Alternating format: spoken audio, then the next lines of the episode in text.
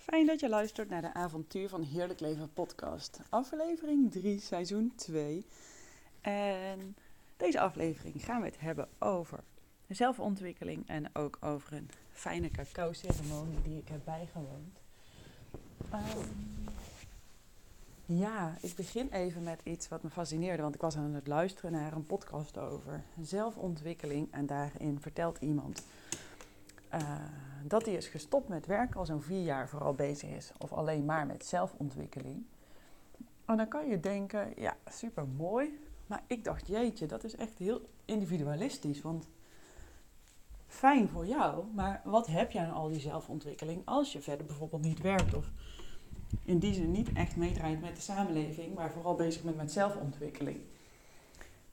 En ik denk dat de grootste uitdaging en de kunst is om al die zelfontwikkeling en die golven van het leven, waarbij je dus steeds opnieuw op een retraite gaat of weer uh, een workshop boekt. Maar uiteindelijk is het natuurlijk fijn als je die rust meer en meer gaat ervaren in het dagelijks leven.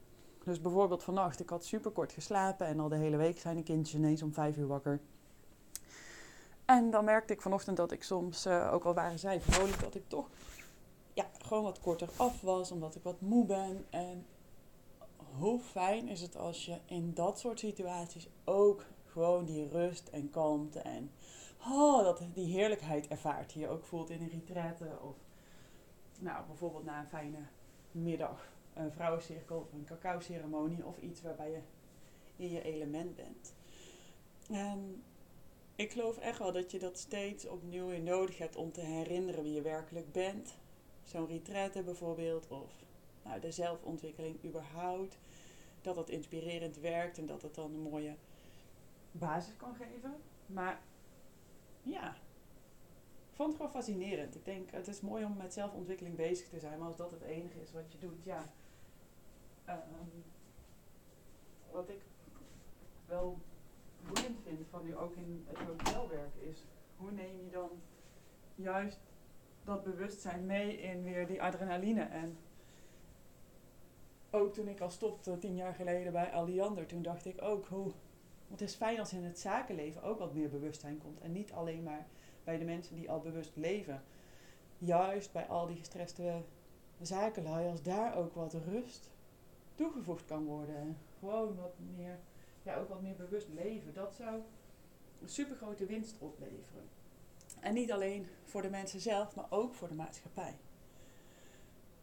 Um, ja, nou, iets, uh, zo'n hersenspinsel. En vandaag was ik bij een uh, cacao-ceremonie en was heel mooi en bijzonder om mee te maken. Ik heb al één keer iets verteld over cacao en toen hadden we een kleine, of een deel van een portie gedaan en nu hadden we echt 42 gram rauwe cacao gedronken. Uh, het was vooral heerlijk om weer even middag met tien vrouwen samen te zijn en lekker een meditatie te doen, waardoor ik in mijn lichaam kon zakken. En die cacao, die. Ik ging even liggen en vooral toen er gewoon muziek was en verder niks verteld werd, want er werd naar mijn, ja, voor mijn gevoel een beetje te veel gepraat. Te veel begeleid in een meditatie. Terwijl ik vind dat lekker als het soms ook stil is. Echt stil. Er was ook de hele tijd muziek, hoeft voor mij ook niet per se. Ja, dat is een voorkeur.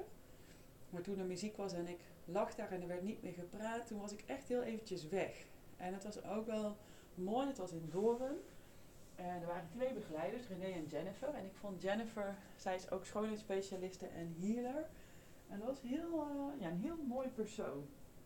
En ik kwam eigenlijk met de vraag, ik heb echt al 17 jaar zo'n stomme angst. Dat ik gewoon heel erg bang ben dat mijn partner heen gaat. En dat had ik al. Maar dat heb ik niet steeds. Dus het heeft helemaal geen bal te maken met de ander, maar met mij. En ik kan het me zo over kop vinden.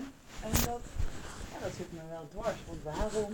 Het is best vervelend om je daar druk over te maken, ook als er helemaal geen aanleiding voor is. En dat zit me in de weg. En ik merk dat het weer opspeelt en dat ik dan ook s'nachts uh, daar soms van wakker kan worden.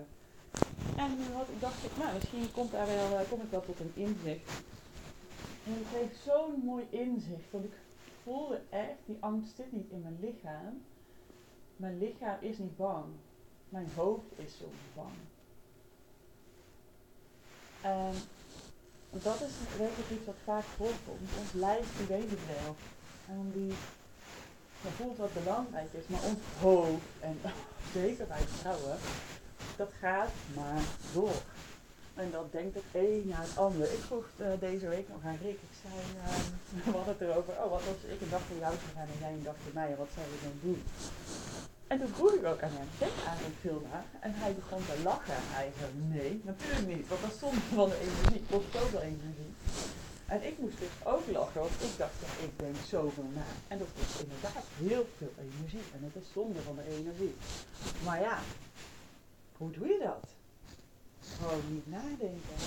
En dus was ik vandaag met Marley daar naar die cacao-ceremonie geweest. En zij had hetzelfde ook, uh, die ervaring met haar man. Ja, die kan ook gewoon zo'n leeg hoofd hebben. Dan is er gewoon even niks. En natuurlijk ervaar ik dat soms. Maar ik sta toch nog zo vaak aan. En alleen alweer even die bewustwording was gewoon heel prettig om te ervaren. En um, ja, dit is wat ik uh, delen heb. Ik wens je een hele fijne week en ik spreek je graag volgende week weer.